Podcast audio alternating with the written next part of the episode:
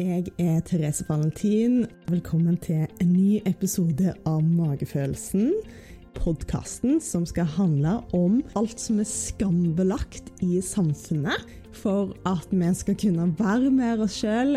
Jeg har òg mange utrolig kule gjester som forteller om oppturer og nedturer i livet, om ting som har vært vanskelig. Og så har vi òg et stort fokus på selvfølgelig da mental helse. Litt sånn i kombinasjon med bærekraftskampen, bistandsarbeid, likestilling og helse. Jeg syns at alt dette her handler litt om det samme, og det handler om å skape en god verden. Og det har jeg lyst til å bidra til, og det håper jeg at du òg har lyst til å være med meg og bidra til, fordi det syns jeg er så viktig. Det å heie fram gode initiativ, heie fram gode personer og snakke om det som er bra, snakke om løsninger, istedenfor å bruke masse tid og energi på å snakke om problemene og det som ikke er bra, og faktisk tid på folk som forsurer verden litt. I dagens episode så snakker jeg med Dagfri Forberg, som i dag er nestleder i Zero. Zero er en organisasjon som jobber for at alle skal kunne gjøre en forskjell og bli en del av løsningen. Samtalen med Dagfri er todelt. I andre delen av samtalen så snakker vi om hodeskader forårsaka av ulike typer fall, og hvordan hjernerystelser kan påvirke deg over lang tid. Dette er noe som faktisk skjer flere enn du ville tro. Så jeg syns det er veldig fint at Dagfrid åpner seg om hennes egen hjernerystelse og det som heter post-homotios syndrom, som er en senfølge av en hjernerystelse som kan vare over lang tid. I kombinasjon med dette så snakker vi om hjernehelse og det å ta vare på hjernen vår, og utbrenthet og stress og generelle anstrengelser vi utsetter hjernen vår for. For hjernen er veldig skjør, og den er fleksibel, så vi, vi kan faktisk bruke tid på å bygge opp hjernen og sørge for at den blir sterk og god, spesielt i en situasjon hvor du kanskje har gått på en smell. Det å da ta vare på hjernen i etterkant og bygge den god, og metoder for å faktisk mestre det.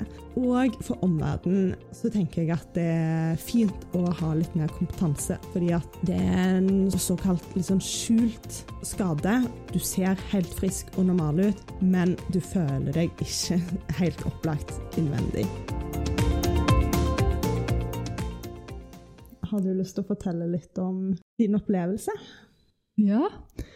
Eh, og da, da har jeg ikke drevet med selvskading. Så, eller jeg har jo kanskje gjort det, da, men uh, ikke, med, uh, ikke, med, vilje. Nei, det du sikter til, er jo at jeg um, for to og et halvt år sia så uh, tryna jeg skikkelig på snowboard. Mm. jeg elsker å kjøre snowboard, men uh, akkurat den siste turen i mm. sesongen uh, På siste tur ned bakken den søndagen da alpinanlegget stengte, mm. så uh, krasja jeg skikkelig og slo hodet. Rett i bakken, rett foran den lange heiskøa i bunnen av bakken i Hemsedal. så da fikk jeg en hjernerystelse. Mm. Og Eh, det Jeg har for så vidt slått hodet før.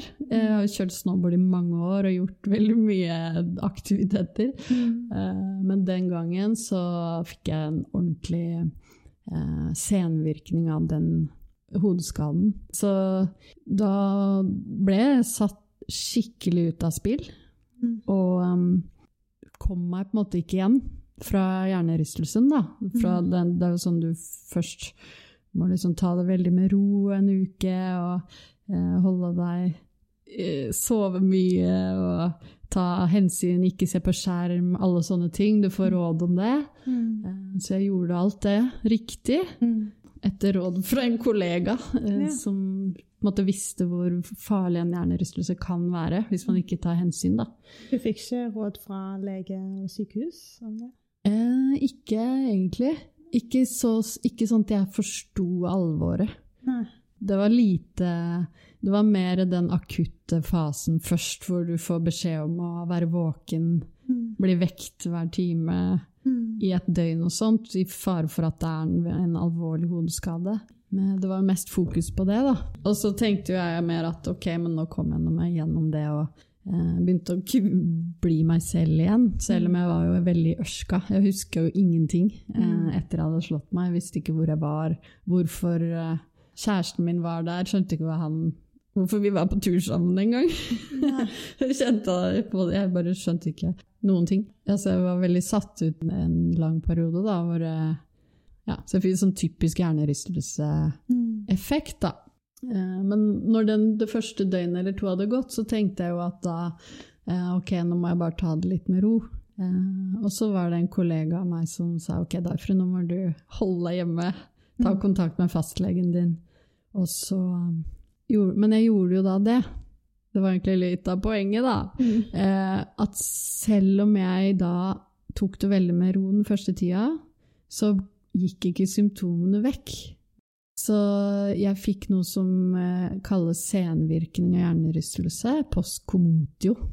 Så det er en, eh, en tilstand som kanskje 10-15% av de som har en uh, mild hjernerystelse, kan da få i etterkant. Og det varer lenge. Sier de noe hvorfor noen får det?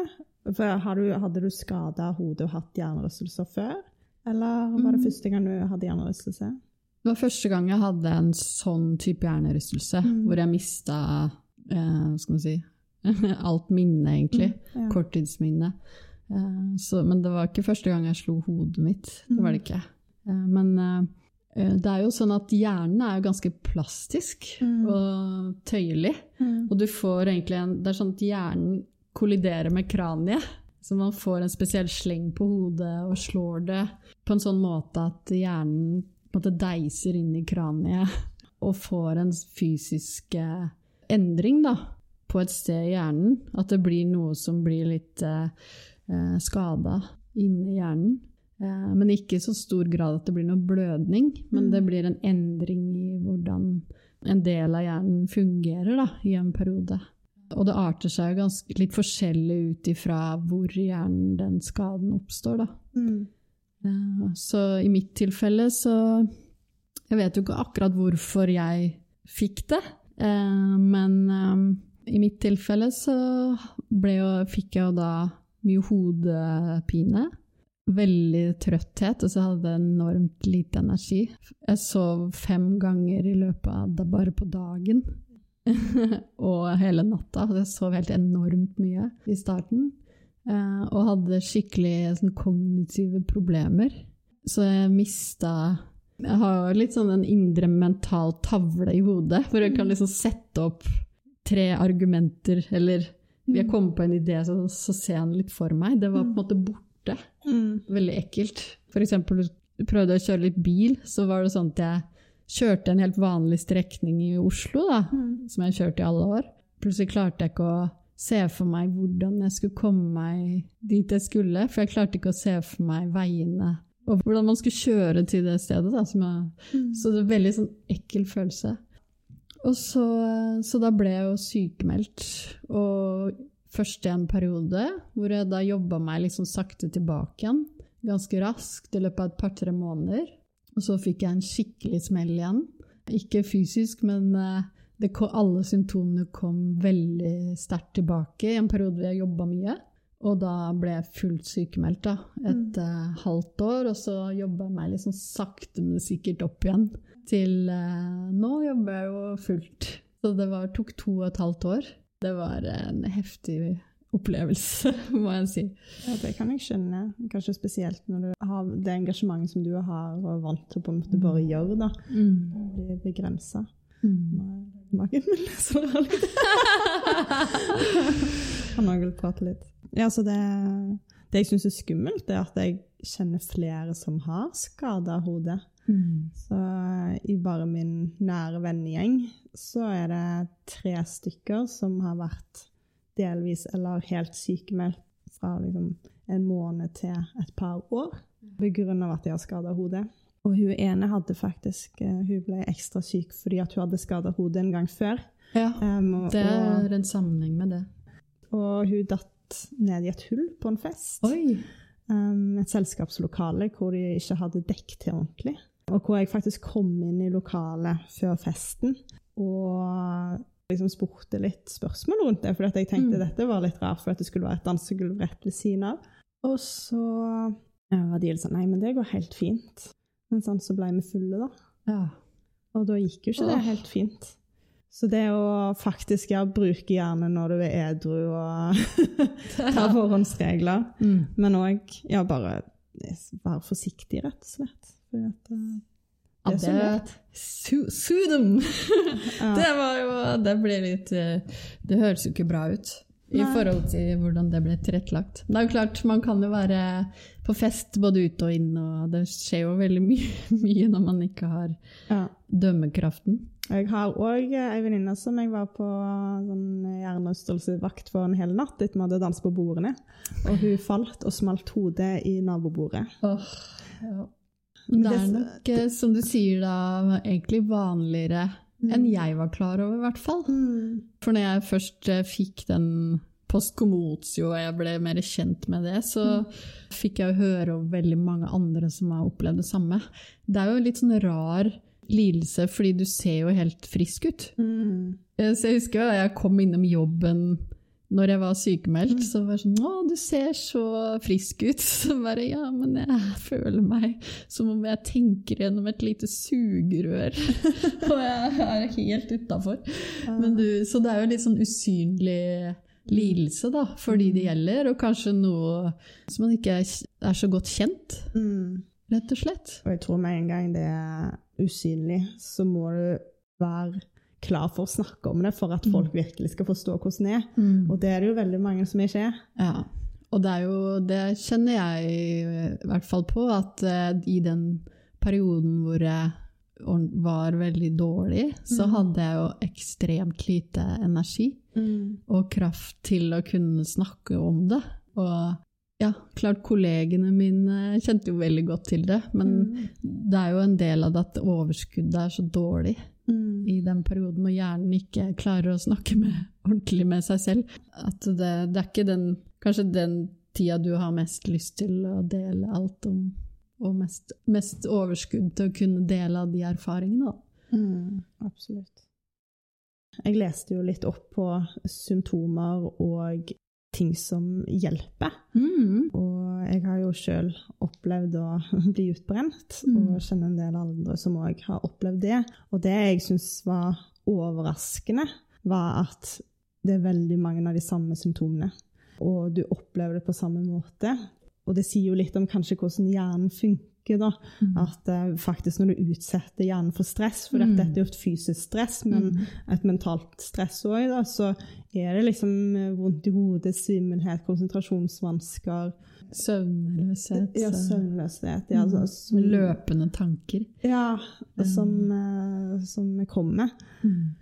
Så I begge situasjoner det å finne metoder for å komme tilbake og faktisk respektere kroppen sin og gi det den tiden det trenger. Mm. Og spesielt for pliktoppfyllende mennesker som har mye ansvarsfølelse. Så tror jeg det kan være krevende. Har du noen råd eller eh, tips til hva som har funka for deg? Ja, ja for eh, hjernen er jo veldig sammensatt og et utrolig sånn finstemt instrument, da, som vi ikke helt eh, Vi vet jo ikke alt om, om den engang. Eh, men det er jo en ekstrem kapasitet. Så jeg har jo fått virkelig øya opp for eh, hvor vi, vi må ta vare på den. Og jeg tror jo som du sier at eh, det er mange måter å forstyrre hjernen på. Det kan jo være for lite søvn, for mye jobbing over lang tid, at man ikke ta ordentlig godt vare på den. Det kan forstyrre den, det kan være skader. eh, Det kan være mange ting da, som påvirker hvordan hjernen funker. Så jeg har jo blitt veldig opptatt av god hjernehelse. Det er viktig, da. Ja. Og noe som eh, jeg har tenkt på mye de siste årene, men veldig lite resten av livet. Ja, Man får liksom øya opp for, eh, opp for det. Kanskje etter hvert som man med erfaring.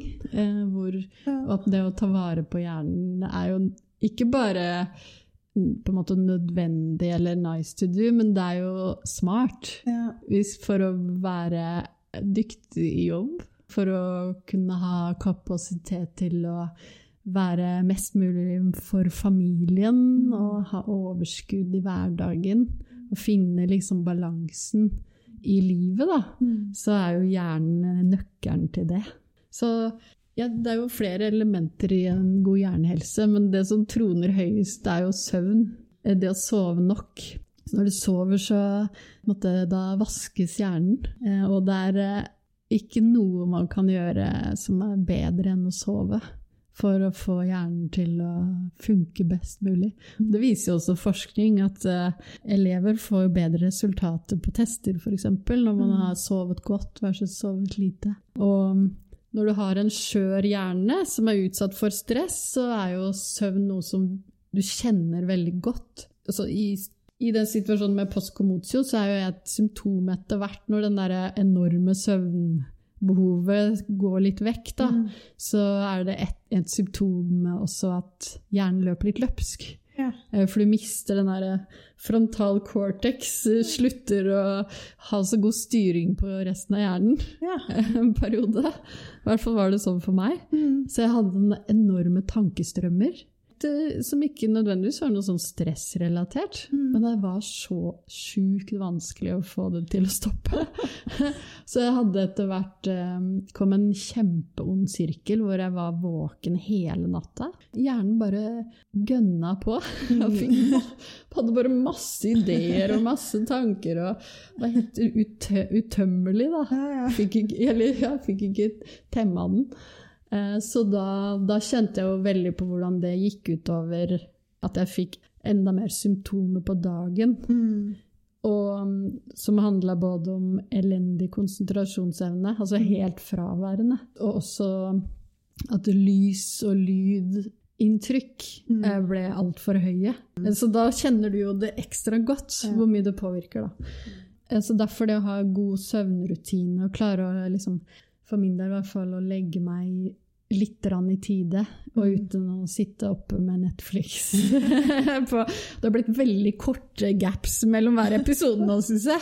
Så det er jo nede under, på under et sekund, føles det som. Ja, det, og det er så vanskelig å slutte. Det er faktisk grunnen til at jeg, eh, jeg jeg hadde sovet dårlig i natt. Ja. Eh, og det er litt sånn når du har eh, så Nå er det flere år siden jeg ble utrent, og jeg vil si jeg så å si tilbake. Ja. Men det jeg må være forsiktig med fremdeles, det er stimuli på kvelden. ja. Fordi at hvis jeg ikke har noe tid, men det tror jeg min personlighet òg, fordi at jeg er veldig tenker, ja.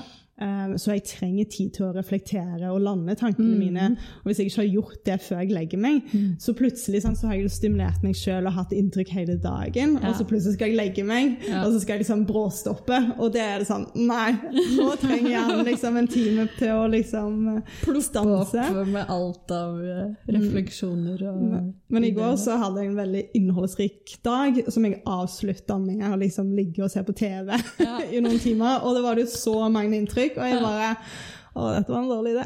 og så skulle jeg møte deg i dag, og jeg ble jo alltid litt sånn spent hver gang jeg skal ha en samtale, så det var bare sånn ah! Det var ikke en god idé. Nei. Og det er jo fort, det kan jo fort skje, da. Så da, det er, da er det viktig å ikke være for eh, hard med seg selv. Ja. Eh, men å bare la det akseptere at det skjedde.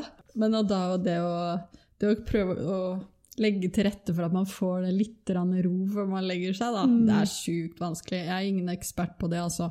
Eh, men det gir jo god nattesøvn. I hvert fall hvis man kjenner at uh, du våkner på natta hver natt og kanskje sover litt kortere enn det kroppen ønsker, da, eller hjernen ønsker. Og det er verdt å investere i god nattesøvn med god samvittighet. Ja. Og kanskje en uh, lita ettermiddagslur også. Det er uh, En powernap er uh, virkelig verdt det.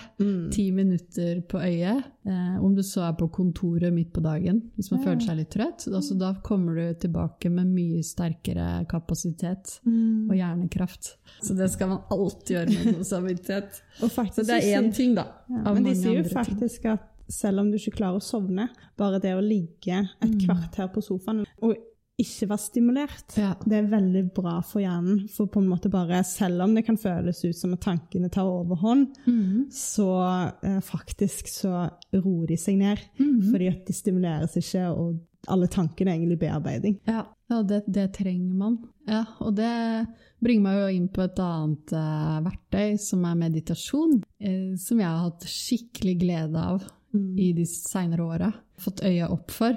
Uh, så jeg har jo trodd at meditasjon er kjedelig, men det er ikke kjedelig. så for meg så representerer meditasjon både skaperkraft mm. og det å være til stede. Å klare å bare være til mm. stede. Og bare å få litt fri fra mine egne tanker, da. Mm. Og liksom erkjenne at uh, jeg er noe annet enn tankestrømmen min. Uh, og se den litt fra utsida. Mm. Det er skikkelig god, uh, god, følelse. Og som du sier, så er det så mange sanseinntrykk gjennom dagen. Mm. også på jobb. ikke sant? Det er masse å engasjere seg i og mene noe om. Og, eller oppgaver du skal rekke, frister. Altså tida flyr med, med mye aktivitet, da. Mm. Hjerneaktivitet. så jeg har du, jeg for eksempel har jo uh, til dels fire barn mm. og en uh, mann som uh, skal ha mat, og, og vi gjør masse ting, og tida flyr. Og så ser du jo på telefonen, det er masse informasjon, nyheter, alt som skjer i verden. Og så du liksom absorberer jo enorme mengder med informasjon i løpet av en dag. Og meditasjon, det er et, å skape et rom i det for bare deg selv. Og jeg eh, mediterer kanskje ca. et kvarter om dagen. Det er mange måter å meditere på. Men for min del er det det som funker. Og det er å være i ro, og så bare observere de tankene som dukker opp mm. hos meg. Og så kjenner jeg etter hvert Ofte så er det litt interessant å se hva som dukker opp òg. Mm. Noen dager kan det jo være mange ideer. Mm. At det liksom plopper opp, som du sier. Kanskje ideer som egentlig ligger klar mm. til å bli født, men som mm. aldri kommer ut fordi jeg sitter på Facebook ja. i stedet. Da er det ganske viktig, for det husker jeg i starten, så var hver gang jeg fikk en idé, så var det sånn Oi, må bare notere det ned. ja. Det, men det trenger du Det skal man egentlig helst ikke, da. Nei, nei, nei. Fordi det er jo litt det at det du responderer på, vil jo mm. gjerne gi deg mer av. Ja. Eh, så, så, det er jo litt sånn at du Kanskje noen ganger får du ideer opp, og så andre ganger så har jeg Og det kjente jeg skikkelig i den perioden jeg var sykemeldt. Da var jeg så hard med meg selv. Så jeg hadde enormt mye sånn dårlig selvsnakk. Mm. Og det var ganske nyttig verktøy da å bruke meditasjonen til å erkjenne det. Hvor jeg da kunne høre meg At jeg kunne måtte tråkke litt tilbake og så klare å se tankene mine for at de bare er tanker. Mm. Det er ikke meg. Og da høre meg selv snakke så stygt til meg selv om at jeg ikke klarte å jobbe, at, det, at jeg var sykemeldt. Jeg husker det var en periode rett før jeg ble sykemeldt, hvor jeg da snakka til meg sjøl om at det kanskje var best at jeg, jeg bare slutta i jobben. Fordi ingen hadde noe Det var ikke noe bra for noen at jeg var der. Jeg jo, fikk jo ikke til noe. Jeg klarte jo ikke å gjøre det jeg skulle. Mm. Det var like bra å bare Det var ikke noe verdi for noen. Um, og jeg hadde mange sånne troll i hodet. Mm. Veldig uh, destruktivt. Mm. Og det å da i meditasjonspraksisen, da, å kunne se på de tankene nesten sånn som en observatør, og kjenne jøss, det her var veldig dårlig, stygt. Det her fortjener ikke jeg. Og, og, da klare å akseptere at de tankene var der. Eh, så falt de. Så ble de ikke meg. Det var jo et utrolig fint verktøy.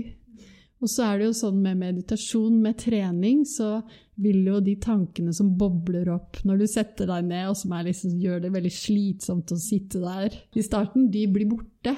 Mm. Fordi du lærer å bare akseptere, Tenk 'oi, der var det en tanke', mm. og så bare flyr den av gårde. Og når du gjør det hver dag, mm. så kan du etter hvert, kan jeg i hvert fall etter hvert liksom sette meg ned, og så kjenner jeg bare tankene daler. Mm. Og så blir det et sånn åpent rom hvor jeg bare er der. Hvor jeg bare eksisterer enten i en følelse av varme eller følelse av at det bare er helt tomt og åpent. Mm. At det ikke kommer noen impulser inn eller noen impulser ut. Og det er enormt deilig. Og da, da er det hjernebølgene bare Føler jeg de bare legger seg ned, og så roer seg. Når man trener på det, så er det veldig likt med mental trening. Altså det å lære å holde fokus. Og lære å la alle innskytelser og impulser liksom, At de ikke får noe respons da, i hjernen. Og da blir det mindre av de.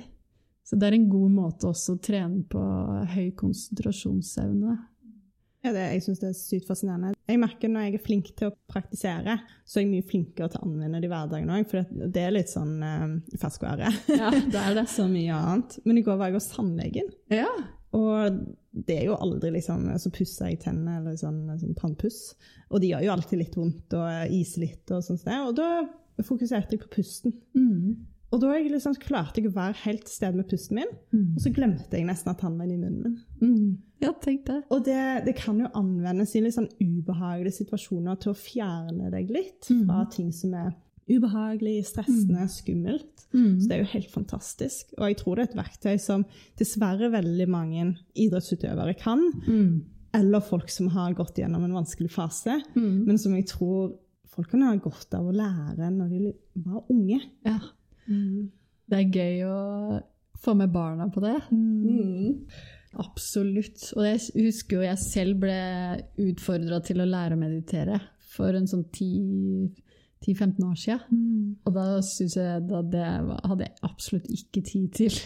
Jeg forsto ikke helt hva det var.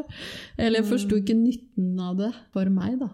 Eh, Som du sier, så er jo det et verktøy som F.eks. hvis man er i et møte og blir stressa, så er det bare å gå tilbake til den følelsen. Og når du gjør det hver dag, så er den så nær, da. Så det er lett å liksom sentrere i kroppen, og så er det lettere å holde fokus på det man hadde f.eks. tenkt å ha ut av møtet. Da. Eh, og det samme hvis eh, Jeg bruker det hvis jeg våkner om natta. Noen ganger hvis jeg litt, kjører litt hard Netflix-binging og har en, som du sier, da, en stressende dag, så kan det hende at jeg våkner klokka fire på natta og bare føler meg lysvåken. Da kan jeg bruke den samme teknikken, og sovner jeg kjempefort. Så det er, eh, det er som du sier, et verktøy i mange sammenhenger. Eller hvis man blir veldig sint, da har man en litt bedre muskel for å klare å telle til ti og holde fokus der man vil. da. Ja, og Ja. pusten. Altså, de sier jo faktisk bare det å puste roer jo vagusnerven. Mm. Så når du puster veldig rolig og liksom kontrollert, Ja. og blir obs på den. Ja. Sånn som Apple Watch er eh, faktisk en teknologi som hjelper, da. For det har en alarm så du kan stille så den dirrer og minner deg på å puste. Ja. Så Som du er- merker hvis du puster Nei, den, ja, du kan stille den inn på hvor ofte det skjer, da. Ja. Så hver time så begynner den å riste litt. mm. Hvis du holder tempoet til ristingen, så har du veldig lange, dype åndedrag. Det, så det er en liksom kul måte, da. Ja. Hvis man er litt travel og stressa, så bare bruke sånne smarte funksjoner til å hjelpe deg. Det er genialt. Ja. Jeg tror hvis vi kunne fått det inn i skolen noe sånt sted, litt sånn, Mm. sånn, sånn gym òg For det er ingen som nødvendigvis vil gjøre det frivillig. Mm. Men hvis det f.eks. er på arbeidsplassen at dette skal vi gjøre som et kurs, Ja. eller et eller annet, og så er det satt av tid til det, så jeg tror det er veldig mange som hadde blitt overraska over hvor deilig det er. Mm. Men i starten så må du ha masse veiledning. Jeg skal ærlig innrømme at fremdeles nå så liker jeg best å meditere med veiledning. Det er det som funker best for meg. Mm. Det å skulle liksom sette seg ned i en stol og gjøre det uten veiledning og helt alene i starten, det tror jeg ikke kan er realistisk. Jeg bruker også en eh, app som heter Headspace, eh, som Ja, fordi jeg trenger det at jeg da kjører jeg sånne strikes. Så får jeg litt sånn Yes, nå klarte jeg å strike i dag igjen. Ja. Eh, Pluss at eh, det er sånn når man ikke fordyper seg i meditasjonspraksis, da, som egentlig er noe mye mer omfattende. Og det er kanskje noe jeg har lyst til å gjøre i framtida.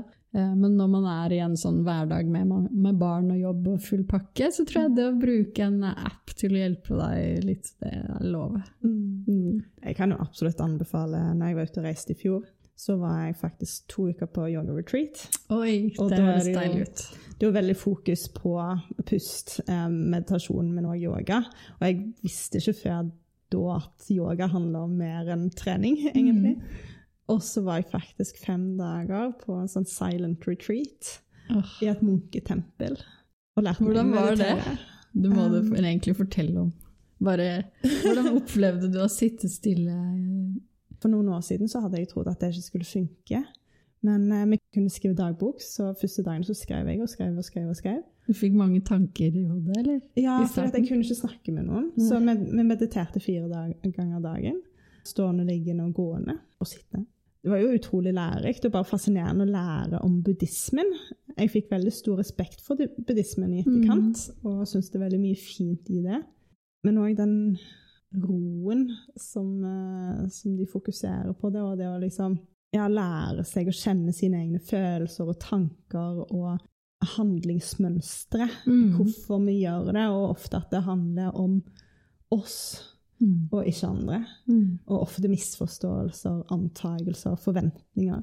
Mm. Nei, det var fantastisk. Dag fire så var hodet mitt tomt. Og det var fascinerende, for når jeg mediterte, så var det greit, men det var liksom disse fristundene hvor jeg skulle skrive dagbok. da. Så plutselig var det tomt. Og så satt jeg der og så var jeg sånn Hva skjer? Dette har aldri skjedd før.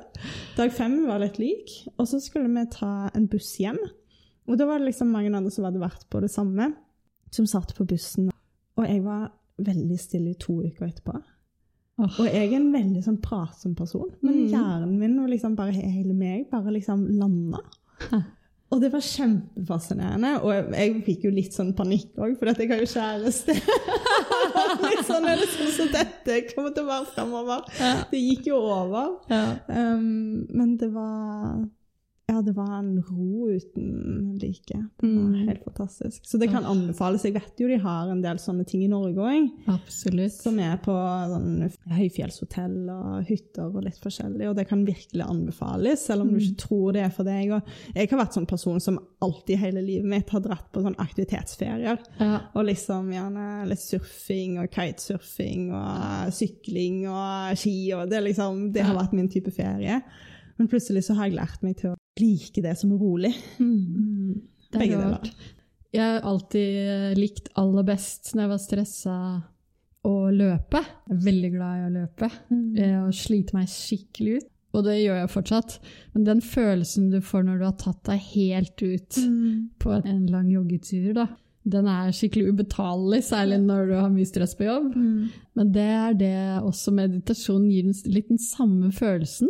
Og det overraska meg, at det var mulig å oppnå det ved å sitte helt stille. Det, det var jeg ikke klar over før jeg opplevde det, da. Men jeg tror Men det- det gjør litt av det samme, egentlig. For når du løper, så er du veldig til stede.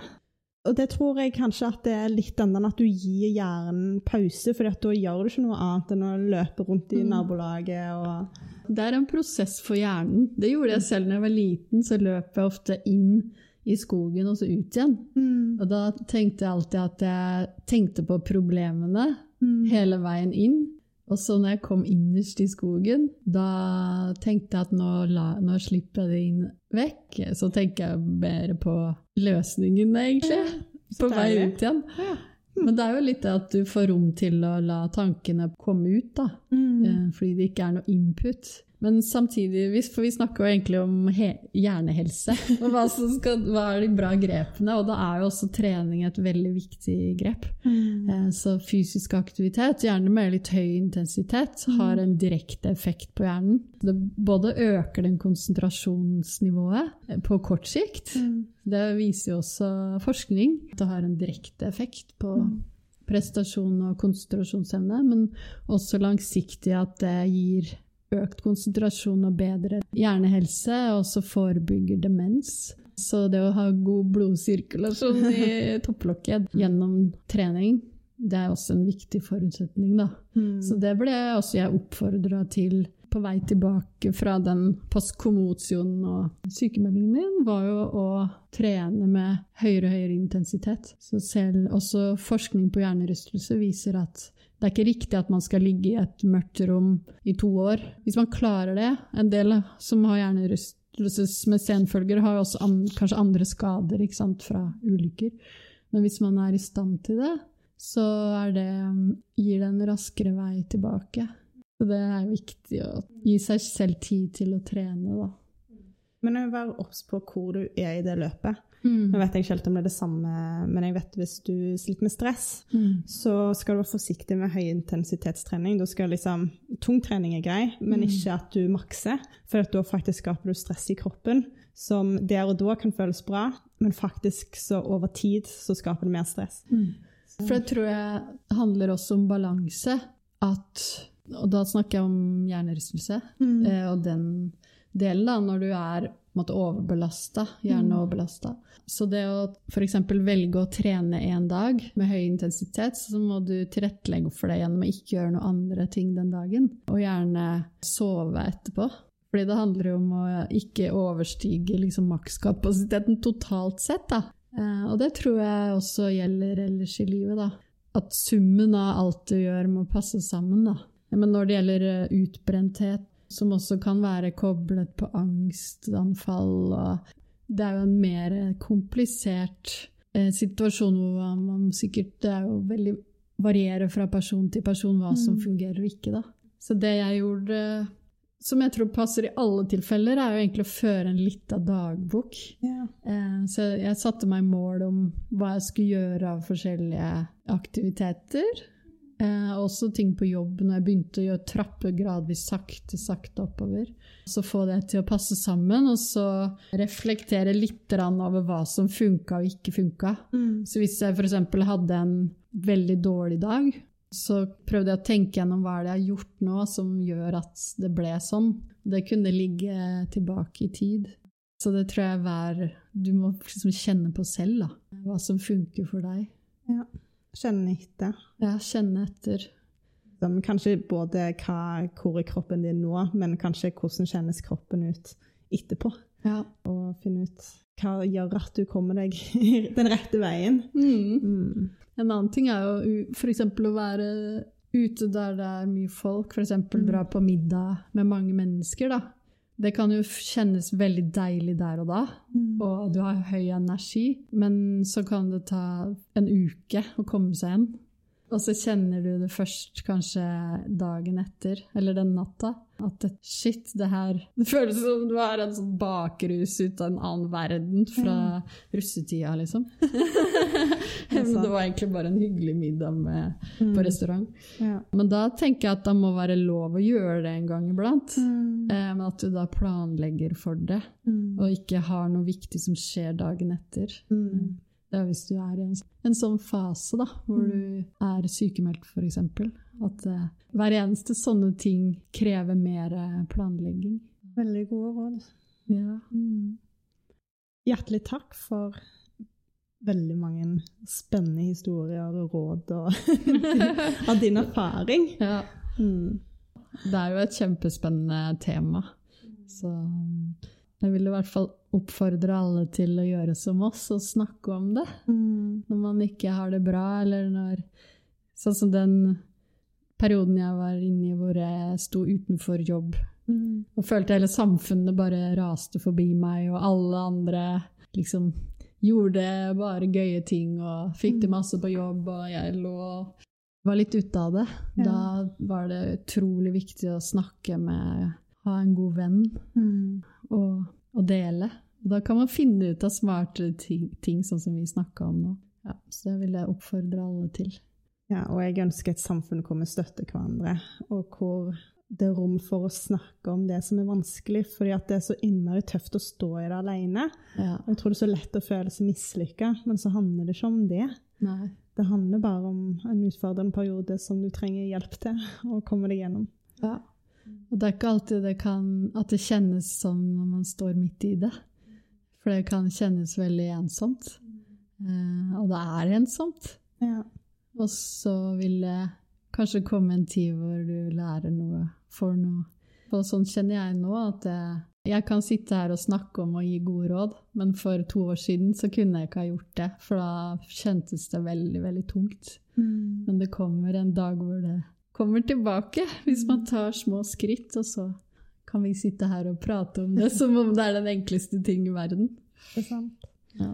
Og så er det faktisk det å anerkjenne. Jeg tror jeg var veldig redd for at jeg ikke skulle bli meg sjøl igjen, og redd for sånn som kroppen var, og at det kom liksom på toppen, da.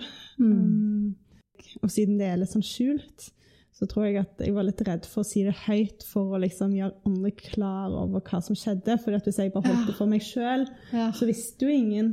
Ja. Men eh, så, så merker jo kanskje folk at du forsvinner litt, at, eh, at noe ikke helt stemmer. Og da er det jo mye bedre å kanskje inkludere de og la de være, være en del av det. ja, det tror jeg. Det er det som er å være tøff, da. Mm. Det krever litt mot å dele, men det, da får man jo utrolig mye mer igjen. Mm. Nei, det er et kjempeinteressant tema, og jeg, jeg syns det, det er eh, godt å snakke om det, og veldig spennende å snakke om det. Mm. Jeg tror vi skal begynne å runde av, men jeg har eh, det viktigste spørsmålet spart til slutt, Oi. som er mitt eh, standardspørsmål. Og det er litt fordi at de jeg intervjuer, er kvinner som har nådd ganske langt, og som jeg tror mange av de som lytter, ser opp til. Og da er det lett å liksom føle sånn avstand mellom de og deg, da.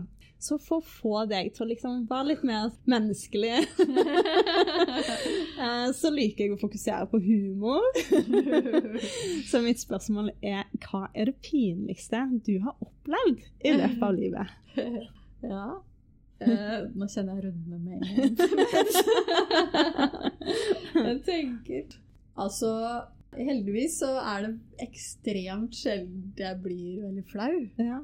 Så jeg, jeg liker jo Jeg vet ikke om det er fordi jeg har kjørt mye snowboard, at jeg, når jeg kjenner liksom hjertet begynner å banke Mm. og får litt sånn der eh, oppover halsen, så får jeg en god følelse. ja. Det er, så det er litt sånn Heldigvis, da. Det er veldig sjelden jeg har gjort noe som Som jeg ikke har i hvert fall klart å liksom bare takle på en eller annen måte.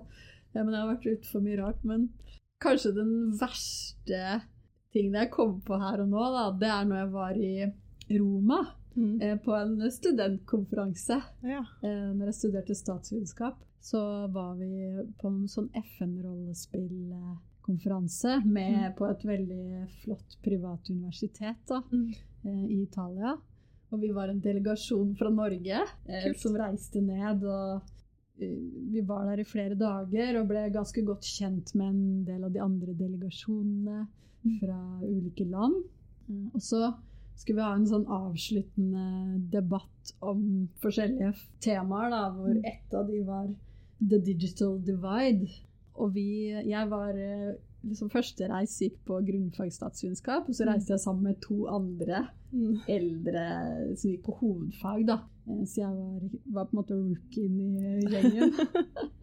så kom på en måte ordet opp. And we welcome Norway Mm. next up. For å holde da innlegg om the digital divide. Mm. Så skulle en av de eldre jentene holde det innlegget, da. Men vi hadde jo ikke helt rukket å forberede det her. Og så reiste de seg aldri opp. Og jeg ble bare sittende bare, vi må, vi må jo opp, vi må jo gjøre noe må skje her. Så plutselig så bare merka jeg at jeg begynte å gå opp. Og reiste meg å gå opp til talerstolen, da. Og det her, det var jo skikkelig flott og sånn stort marmorrom. Eh, sånn sal, og det var jo professorer og fagfolk fra det lokale universitetet, og det var ja, ordentlig sånn formelt, da, opp Mm. på en scene med talerstol. Og så sto jeg der, og jeg hadde jo ikke peiling på hva jeg skulle si. Eh, og så jeg fikk totalt whiteout. Det var helt Altså, rullegardina var bare helt nede. Og på det tidspunktet så hadde jeg jo ingen teknikker for å håndtere det. Dette, jeg hadde jo ikke planlagt det i det hele tatt å stå der oppe. Så jeg så bare ut på forsamlingen, og så, og så begynte jeg å kjenne du vet, sånn puteøyeblikk. Når du bare ser på noe som ikke er bra, og du gruer deg til det det som skal skje. Og jeg så at liksom, folk i salen begynte å få de sånn desperat uttrykk i øya. Og jeg bare sto der, og så sa jeg bare Så, så bare holdt jeg liksom i mikrofonen, så sa jeg sånn Sorry! I'm sorry! Og så så jeg den sørafrikanske delegasjonen, da hadde vi blitt litt sånn kjent med. De satt og bare liksom prøvde å snakke til meg og hjelpe meg langt nede i salen der, da. Det er helt hvitt. Og så sa jeg bare It's the first time I speak in a microphone. det er så, jeg blir så flau. Og det er så grusomt. Og bare alle Det var sånn elektrisk stemning, så alle bare brøt ut i en applaus. Og det er så pinlig. Det, det, ja, det tror jeg må være et av de verste tingene jeg har gjort. Herregud. Men det er sykt kjøpt at du reiste deg opp og gikk om.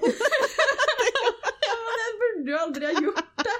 Jeg burde jo virkelig ikke for Norges ære. Ja, det var bare Det er det er jo noe av grunnen til eh, at det jeg vet ikke, altså, Også mye av engasjementet mitt har jo gjort at jeg ofte gjør sånne ting hvor jeg egentlig ikke helt er forberedt. Men jeg bare har sånn trang til å få det gjort. Ah, men jeg kan kjenne meg igjen der at det er noen ganger at hvis ingen andre tar ledelsen, så gjør jeg det. Ja. Det er ikke sånn at jeg må lede, men Nei. jeg er liksom veldig sånn Så må man på en måte stille opp eller fikse og sånn. Ja.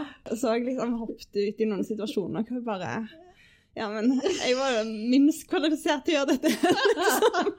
ja, det er faktisk ikke best som du hadde latt det være. Det er ikke alltid det er bra å ta ansvar. Nei. Men uh, hjertelig takk for at du deler. Og det, det, det er det som er så deilig, for at alle har historier som på en måte føles veldig pinlige. Men det som er i de, den salen, jeg har jo sikkert glemt det for lengst. Sant? Kanskje, jeg håper det. Ja, men Det er jo sånn, det som er flaut for oss, er jo ofte sånn som folk på en måte bare de gidder ikke å bruke energi på, liksom. Nei. Og om så, så var det sikkert noen som bare sånn Å, stakkars hun, liksom. Ja. Og bare hva, hva, har skjedd der? Men sant, det er jo ikke sånn at folk tenker at å, for en dust. Nei. Nei. Det var jo det var mange Det var jo et bra icebreaker for noen av guttene på diskoteket etterpå, da. ja, det var den glade studietida. Ja, Nei, men det er, eh, det er det. Det er sant. Egentlig så starter jo livet på slutten av komfortsona. Ja. Så det er jo der uh, ligger det mye gull. altså noen ganger så, så får man en ekstra latter. Mm, det er viktig, det. Ja. Hjertelig takk for et veldig spennende intervju. Tusen takk for at jeg fikk være med.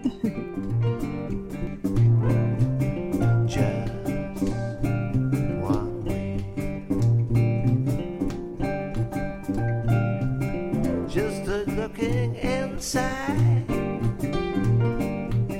Hell is going outside. Just a looking inside. Hell is going outside.